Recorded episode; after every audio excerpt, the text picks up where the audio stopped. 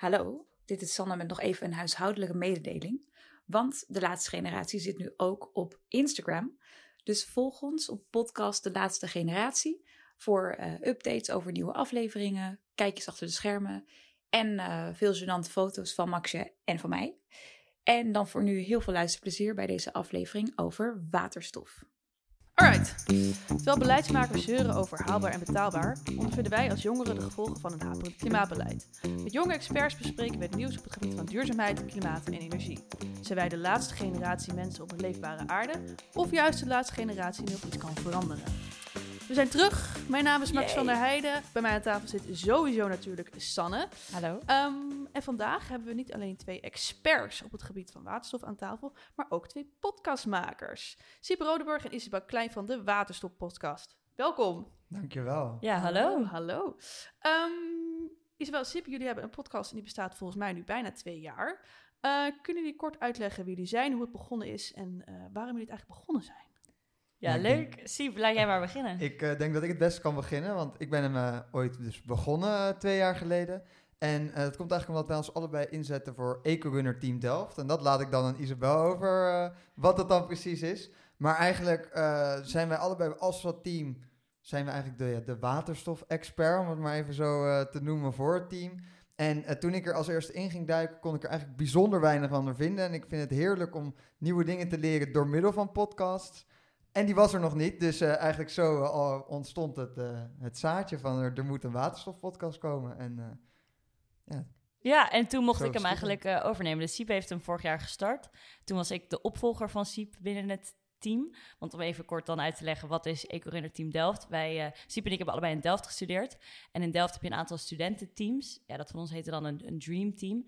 Waarbij je dus eigenlijk buiten je studie om een jaar lang kan inzetten in zo'n soort studententeam. En het doel van ons team was eh, in één jaar het bouwen van een hele efficiënte waterstofstadsauto. Ja. En eh, ja, dat, deed, dat deden wij dan met, of doe ik nu in DCIP vorig jaar met een eh, groep van 23 studenten. Iedereen met zijn eigen functie uiteraard, want je hebt de engineers die aan de auto werken. En dan had je een functie zoals die van mij en Siep, die zich iets meer met het verhaal eromheen bezighielden. Ah, Dus communicatieteam. Ja, ja, en Ja, wij ja. mochten ons dan heel erg als waterstof-expert, of eigenlijk dan ook wel een beetje duurzaamheidsexpert, eigenlijk bezighouden met, ja, wat is waterstof dan? Eh, wij gebruiken het in een auto, maar waar kan je het nog meer allemaal voor gebruiken? Hoe ver is de wereld in Ja. het, het gebruik van waterstof, et cetera? Vet. Jullie hebben ook echt wel vette gasten gehad, heb ik gezien. Ja, is dat dan omdat je dan eh, een beetje kan eh, porren met, nou, wij zijn van dat, van dat team, en dat weet je wel, van die auto? Of is dat gewoon omdat jullie gewoon ontzettend goed zijn in mensen opbellen en ze overtuigen?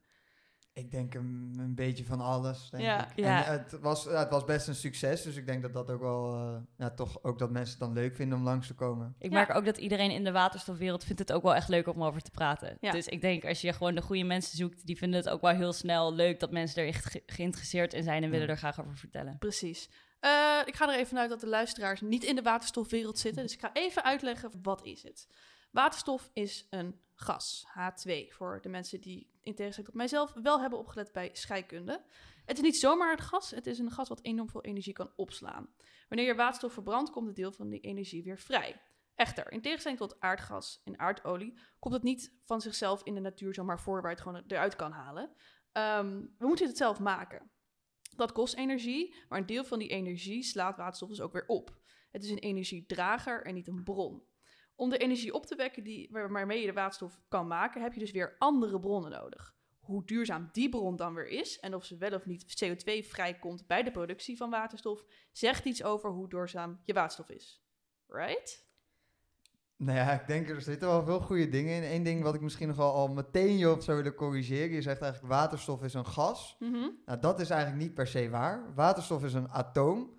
En het is eigenlijk het belangrijkste bouwsteen, de belangrijkste bouwsteen zou je wel bijna kunnen zeggen, van onze planeet ook. Het is eh, een heel belangrijk onderdeel van natuurlijk water, maar ook van al onze koolwaterstoffen, onze fossiele brandstoffen. Ja. Zijn vaak koolwaterstoffen, dus een koolstofverbinding met waterstof.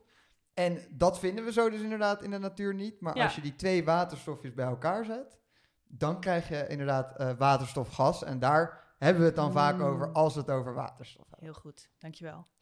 Ehm, nou, jullie zeiden het al, eh, jullie gasten zijn altijd erg enthousiast over waterstof. En je hoort inderdaad het nieuws al jaren dat mensen het aanprijzen als dé oplossing voor het energievraagstuk. Of een van de oplossingen. Sterker nog, eh, in mijn eh, voorbereiding hiervoor vond ik dat mensen in de 19e eeuw het al razend enthousiast waren over dit goedje.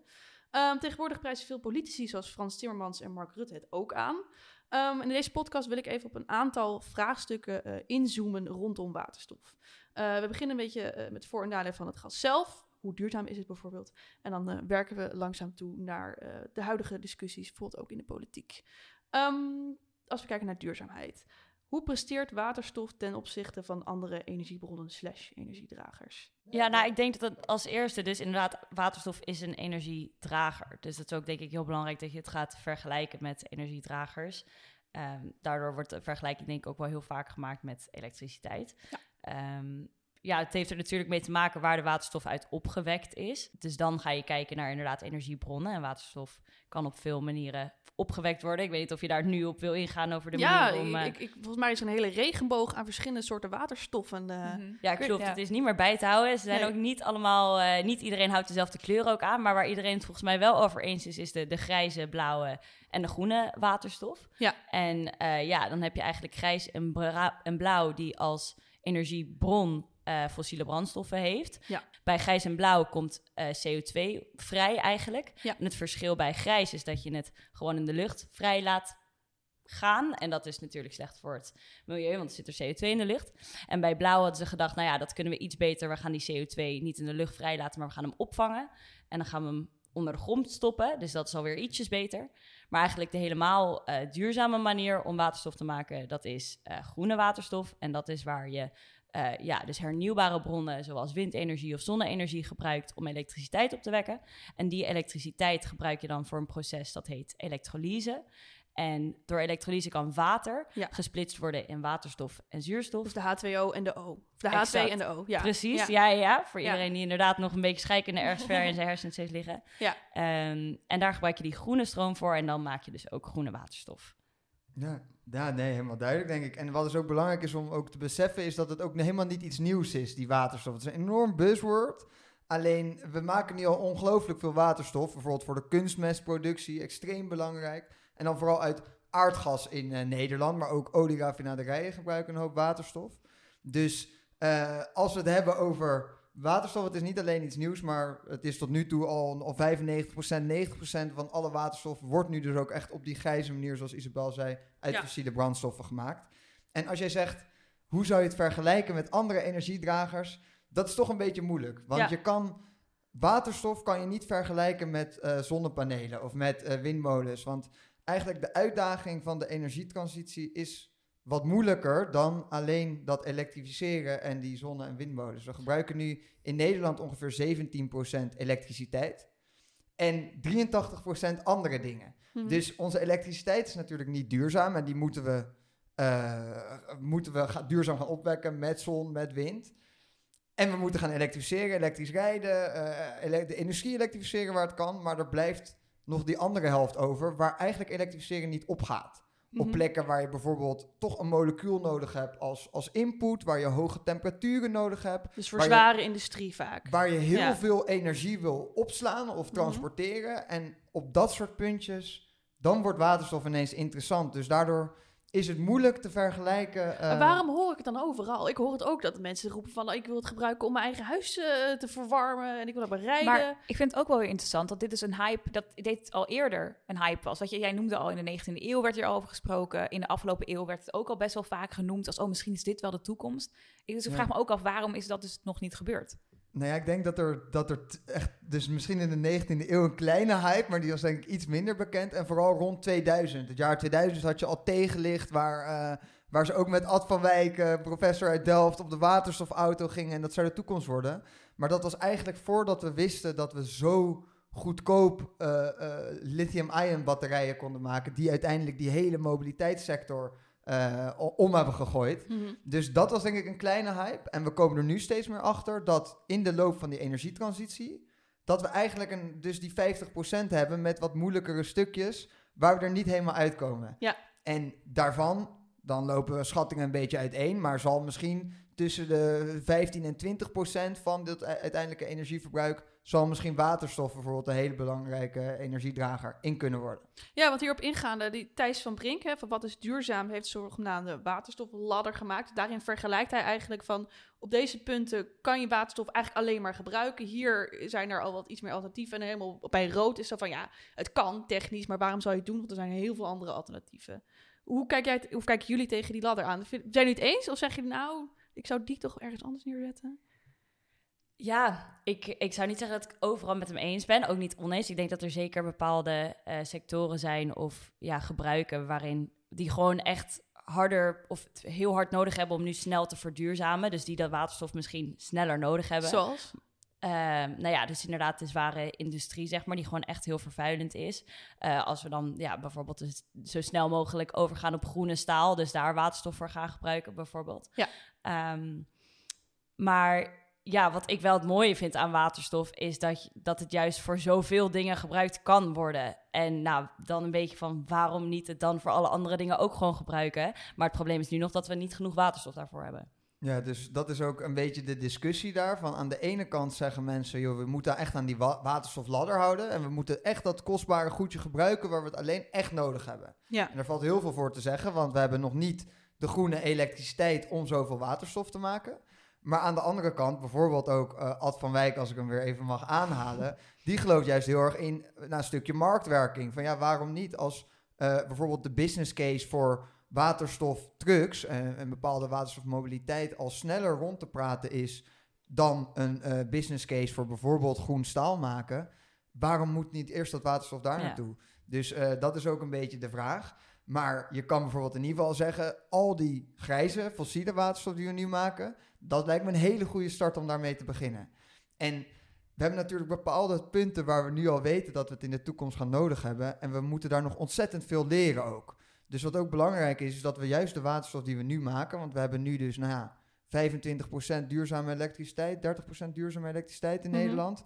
Om daar massaal waterstof van te maken is heel erg zonde. Want je verliest ook elektriciteit, of je verliest energie Ja. als je er waterstof van maakt natuurlijk. Mhm. Ja. Maar we moeten wel Wat zijn, wat zijn de percentages daar? Hoeveel verlies je? Volgens mij bij de ene kant op en de andere kant terug. Nou ja, om waterstof te maken, dan eh, is ongeveer 80% efficiënt, zoiets. je verlies je dan, 20, eh, ja. 20% en, En dan, dan 30 in of je, in je brandstofcel, als je dus met omgekeerde elektrolyse er weer eh, elektriciteit van maakt, is iets van 60%. En wat, Ja. wat is dat verlies? Wat, wat- Vooral warmte. warmte? En kunnen we daar iets, niet- iets mee doen? Ja, je kan er on- ontzettend veel mee doen natuurlijk. Dus het gaat al bijvoorbeeld in de, in de kasbouw is een hele mooie combinatie waar we nu heel veel aardgas gebruiken. Dan zouden we Mhm. bijvoorbeeld als we op het land elektrolyse capaciteit aan het opbouwen zijn om die restwarmte daar te gebruiken. Maar ook Ja. in, eh, in de gemeentes natuurlijk ook gewoon om de huizen te verwarmen. Nou, ik hoorde toevallig laatst van een project dat ze bij Den Haag spelen met het idee om daar eh, de zware industrie iets meer in de buurt van Den Haag te gaan leggen. Want dat ligt daar op dit moment vrij weinig. En dan inderdaad met waterstof te gaan werken. En dan de warmte die je dus overhoudt te gaan gebruiken om wijken in Den Haag te gaan opwarmen. Mhm. Ja, ja. Maar, ik wil dat- toch nog even terug naar dat productieproces. Want inderdaad, nu is het grootste deel grijs. Dus nog niet duurzaam. Ehm, kost dat niet ontzettend veel geld om dat te veranderen? Is dat, loont dat wel? Of kunnen we dan niet beter dat geld investeren in, in dingen die al groen zijn? Nou ja, ik denk sowieso de mate waarin we waterstof willen produceren is veel groter dan wat er nu ook al bestaat. En eh, wat Siep ook zei, dus inderdaad, die grijze waterstoffabrieken, die staan nu ook plaatselijk bij waar ze dan ook nodig zijn. Ja, bijvoorbeeld Raffianerijen wordt ook waterstof gebruikt. Dan staat er een, een, eh, een grijze waterstoffabriek. Ehm, ik denk eigenlijk dat de allereerste stap die nodig is, is we hebben veel meer schone eh, elektriciteit nodig. Dus we hebben veel meer windmolens nodig. Zo zie ik in ieder geval dat dat eigenlijk de allereerste stap moet zijn. Ja. Natuurlijk, het is allemaal een en en en. Ik heb ook wel eens, mijn, Mhm. zoals mijn tante Ja. toen ik hiermee begon, zei tegen mij van... eh, oh ja, het is zo goed dat je dit doet, want ik vind het echt vreselijk dat ze bij mij die windmolens in, eh, in het achterveld willen bouwen, zeg maar. En jij en dan dacht, begrijp je het helemaal verkeerd. zeg. Ja, Dat ja, is ja, al ja. sowieso. Ja, Maar ook over wat je zegt, ja, moeten we niet eerst dat groene doen? Ja, dat is ook eigenlijk wat we vooral doen. De Nederlandse subsidiesysteem, de SDE++, Mhm. is gebaseerd puur op CO2-reductie per euro. Dus hoe Mhm. goedkoper je die CO2 kan reduceren, hoe sneller je die subsidie krijgt. En waterstof, die business case voor groene waterstof, is daar nog niet. Alleen het grote Hmm. gevaar is natuurlijk dat we er dan naar staan te kijken dat we alles doen wat wel goedkoop te verduurzamen is, dat we dat allemaal gaan doen. Ja. En dat we er totaal niet klaar voor zijn. En alles wijst erop. Alle eh, prospecten wij- wijzen erop dat we er nog niet klaar voor zijn. En dat we veel harder moeten gaan rollen met die waterstof. En het, die learning curve daar waar we doorheen moeten. Waar we doorheen kunnen. Want Waar het zijn is we dan duur. precies niet klaar voor? Wat bedoel je daarmee? Voor op het moment dat we echt die grote industrieën moeten gaan verduurzamen. Mhm. Om die net zero te halen. Dat we, dat we daar niet klaar voor zijn. Dat de, de waterstof, Hmm, dat de, die ja. ontwikkeling daarvoor nog niet ver genoeg is. En een van die redenen is natuurlijk de kostprijs. We hebben gezien in, eh, in, in tientallen, twintig jaar is, is zon, wind zo spotgoedkoop geworden. En dat is Mhm. gewoon omdat we het heel veel doen. We leren er heel veel over. Mhm. En we kunnen het in massa produceren, dan wordt het veel goedkoper. En dat is even bewijs van een zure appel waar we ook met die waterstof toch doorheen moeten, bewijs van. Ja, en eh, iets als paarse waterstof, want dat heb je ook nog eh, op basis van kern, dat kernenergie eh, de stroom opwekt. Nou, het, is, het is ook een, een onderdeel van het hele waterstofdebat. Van, nou ja, als we dus niet genoeg zon en wind hebben, moeten we het dan met kernenergie doen. En dan we gaan je eigenlijk, jullie vorige podcast ging over kernenergie. Ja. Dus het is wel Precies, gevaarlijk om daarom daar noem ik het even. hè. gelijk Ja. eh, helemaal in terug te vallen. Maar ik denk, wat een hele belangrijke waarde is van die kernenergie, is dat het een basisload geeft op het hele elektriciteitsnet. En eigenlijk kan juist een moderne elektrolyse, eh, electrolyzer, kan best wel goed op- en afschalen.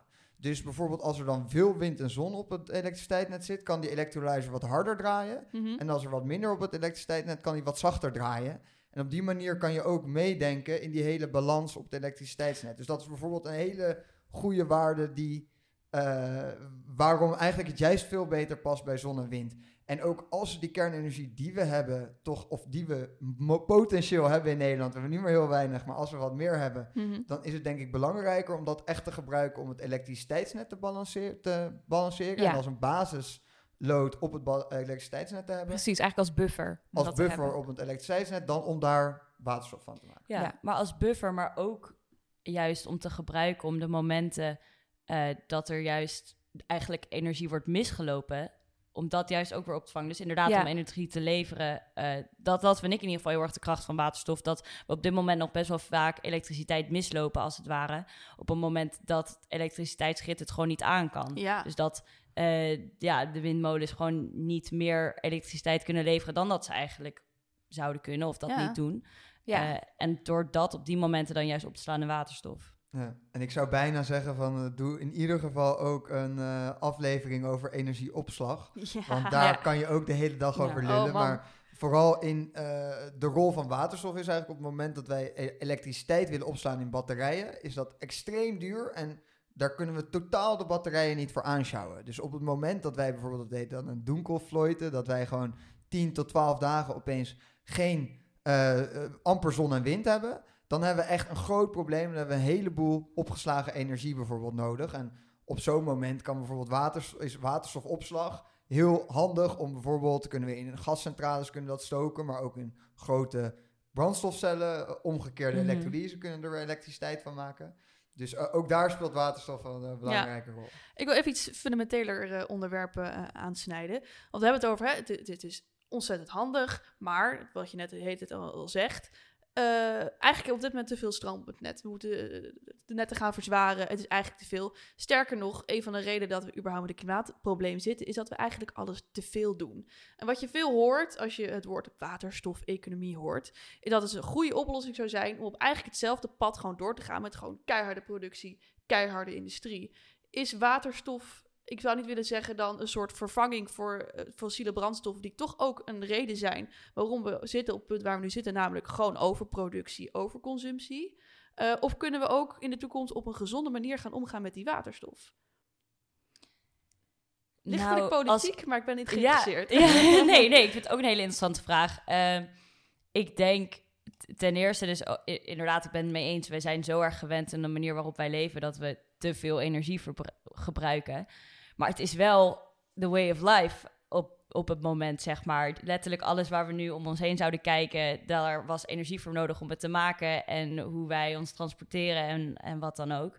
En dat is heel lastig om eh, dat te veranderen, denk ik. Ik denk zeker dat het moet. En gelukkig zijn er veel mensen ermee bezig. Nou, wij ook. Even een kleine eh, pro voor EcoRunner. Maar onze, wij, eh, wij gebruiken waterstof, maar wij...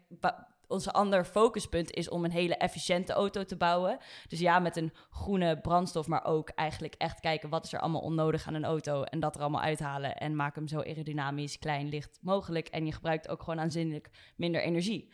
Dus ja, het is absoluut heel belangrijk om minder energie te gebruiken. Maar ik denk dat dat, ja, ik, dat is een heel ander probleem aan zich. En ik denk eh, dat per se waterstof vervangen uh, of dat het probleem zou door laten gaan, dat dat er niet per se mee te maken heeft. Maar wat je ook zei over of het niet dan vergelijking met fossiele brandstoffen is, nou ja, die gaan natuurlijk ook uiteindelijk op. En bij waterstof is dat wel heel anders. Uh, we kunnen altijd waterstof blijven maken op een groene manier ook, door middel van groene stroom en elektrolyse. Dus is het denk ik ook wel een heel ander verhaaltje. Ja, maar dat is eigenlijk ook precies wel weer mijn kritiek. Gaan we niet gewoon van het ene goedje uh, over op het andere goedje, en... waarin we dezelfde hè, kapitalistische systeem, om maar even een hele linkse term erin te gooien, in stand houden. Nou, ik denk dat het is ook wel grappig dat je het zegt, want je ziet bijvoorbeeld met GasUnie, onze grote uh, gastransporteur ja, in Nederland. Nou, die hebben natuurlijk een enorm belang bij dat we als Nederland nog massaal gas gaan gebruiken. Ja. Dus eigenlijk is er aan hun te vragen moeten we waterstof doen, is eigenlijk niet helemaal eerlijk. En dat zie je ook bij alle grote fossiele uh, bedrijven, de, de oliemaatschappijen. Die kunnen heel goed met moleculen omgaan. Mhm. En voor hun zou het best wel gunstig zijn als we allemaal veel met moleculen blijven doen, zoals we nu doen. Ja. Dus dan is waterstof wel een makkelijke vervanging. Dus kunnen we er uh, goed mee omgaan? Nou ja, als we er goed over nadenken en als we dit soort gesprekken voeren en, en er ook, en dat doet de politiek redelijk goed, qua subsidie, dat soort dingen. Als we daar geen, geen ongein mee gaan uithalen, dan kunnen we er zeker verantwoordelijk mee omgaan. Ja, behalve dat hè, de GasUnie is een staatsbedrijf. Die is in samenwerking met Shell nu flink aan het lobbyen voor Ja, de projecten enorm, waar de overheid in kan investeren. Volgens mij is het, er was er kritiek van eh, journalist Bas Haan dat de parlement daar heel slecht over geïnformeerd is. Ja. Dan zeg ik, dan is de overheid er dus eigenlijk helemaal niet goed mee eh, om Nee, aan het gaan. Dan is, het, dan is het een stukje overheid natuurlijk. Je hebt echt een paar hele goede eh, mensen ook in ons kabinet zitten die echt het goed begrijpen. Drop Alleen- namen, wie, wie bedoel je? Eh, nou ja, Henry Bontebal bijvoorbeeld van CDA, maar ook Mark Harbers, VVD, snapt het best goed. Rauwe Bouke. Eh Raoul Bouke van D66, Rob Jetten, onze klimaatminister, begrijpt Mhm. het ook best wel goed. Ehm, nou, en zo zijn er, zo zijn er meer eh, nog. Maar nou, je, nou ja, het is dus het is een beetje dubbelzijdig, want ik snap wat je bedoelt. En ze hebben natuurlijk een heel conflicted belang eh, in dat bedrijf. Dus Ja. het is ook een beetje moeilijk als zij, eh, om voor te stellen dat als het niet nodig was, dat zij ook dan eerlijk zouden zeggen, oh, we hebben het niet nodig. Ehm, maar ja, die, ook die waterstofinfrastructuur is wel mega belangrijk. Een enorme hoeveelheid van Europa's energie wordt in de Rotterdamse haven geïmporteerd. Dus echt de kracht van de grootste haven van Europa, eh, ene grootste van de wereld ongeveer, eh, dat we zoveel energie importeren. En nou, er zijn wat dat betreft ook heel veel belangen dat wij bijvoorbeeld waterstof gaan importeren via de haven van Rotterdam en dat naar, eh, naar het Roergebied, dat soort zaken, de Duitse industrie weten te leiden. Want als we er toch over de grote waterstofuitdagingen hebben, hebben we het aan de ene kant over waterstof hier maken. Maar het mooie van waterstof is dat het eigenlijk veel beter te transporteren is ook dan elektriciteit. Dus wat we bijvoorbeeld heel goed kunnen doen is waterstof maken op plekken waar we lekker de ruimte hebben. Ik waar iets veel over Namibië volgens mij. Heel Noord-Afrika, Zuid-Europa Ja. is daar perfect Zonnevelden in voor. de eh, Sahara. Ja. Precies. Ja, precies. En als we dan op die plekken er waterstof van maken eh, en dat vervoeren naar bijvoorbeeld de haven van Rotterdam, dan Duurzaam vervoeren. Kan, kan het kunnen schepen ook op waterstof? Of wordt Eh, dat Ja, lastig? schepen, eh, voor schepen is het, is het zelfs nou, eh, de oplossing eh, waarschijnlijk. Oh, dus gaan waterstof Ja. maken en met waterstof vervoeren om vervolgens waterstof hier te gebruiken.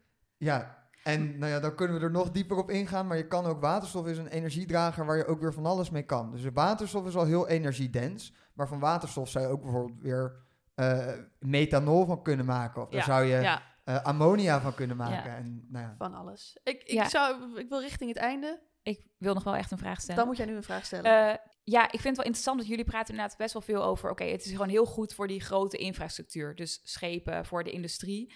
Ehm, maar zelf zijn jullie bezig met het bouwen van een, een auto op waterstof. En eh, nou ja, de baas van Shell bijvoorbeeld... die rijdt ook in een, water, een, auto op waterstof. Ehm, en er is dus ook wel een beetje een lobby van... hé hey, jongens, eh, maar misschien moeten we allemaal gewoon ook waterstofauto's willen. Ja, ja, ja. Ehm, hoe zien jullie dat? Is het, is het, ja, moeten we ook waterstofauto's willen in de toekomst? Ja, ik ben dus grote voorstander van ja. En dat is waarom toen we eerst begonnen over die, die waterstofladder. Volgens mij staan de auto's een beetje... eh, Onder- Bijzonder heel ja, slecht, Precies, ja. ja, ja. Ehm, maar nee, ik zeker. En niet alleen omdat ik me er nu een jaar uh, mee ben. Of nou, wel omdat ik er een jaar mee heb verdiept. Maar niet alleen omdat we eraan werken. Maar ook gewoon omdat ik er echt in wel geloof. Omdat um, we kunnen gewoon niet allemaal een elektrische auto hebben. Eigenlijk, we gaan het gewoon echt allebei nodig hebben. En een waterstofauto heeft ook nou eenmaal heel veel voordelen. Dus voor even dan mensen die dat niet weten, je kan bijvoorbeeld wel snel tanken met waterstof. Waar je bij Mhm. elektriciteit even aan de lader moet hangen. Bij een elektrische auto kan je bij waterstof echt binnen een paar minuten gewoon je auto getankt hebben. Hoewel het nu nog wel maar op een paar plekken in Nederland kan, volgens mij. Ja, je hebt volgens mij 15 operationele Oh, werkende tankstations. Ja, Ja. best prima. En je hebt een stuk eh, langere actieradius eh, bij waterstofauto's, wat ook weer gunstig is. hoef je ook wat minder vaak te tanken. Dus als jij een waterstoftankstation redelijk bij jou in de buurt hebt, dan, dan is het eigenlijk hartstikke, hartstikke handig. Ehm, en ja, ik, soort van, als wij uiteindelijk eh, dus heel hopelijk genoeg waterstof hebben om eh, een beetje die transitie te maken naar duurzame bronnen. En we hebben heel veel elektriciteit, dus opgeslagen in waterstof. Ja, ga je dan die waterstof weer omzetten naar elektriciteit om het uiteindelijk in je auto te stoppen? Waarom dan niet gewoon direct in je auto? Ja, ik ben iets minder voorstander, want ik geloof wel iets meer in de waterstofladder. En ik geloof dat als het echt gaat om al onze energie, moet het denk ik niet naar de, naar de stadsauto gaan. En ik vind inderdaad ook de, de CEO van Shell die in een waterstofauto rijdt. En de hele lobby daar rondom vind ik ook een beetje schunnig. Alleen, ehm, wat jij ook zegt, dat, dat er...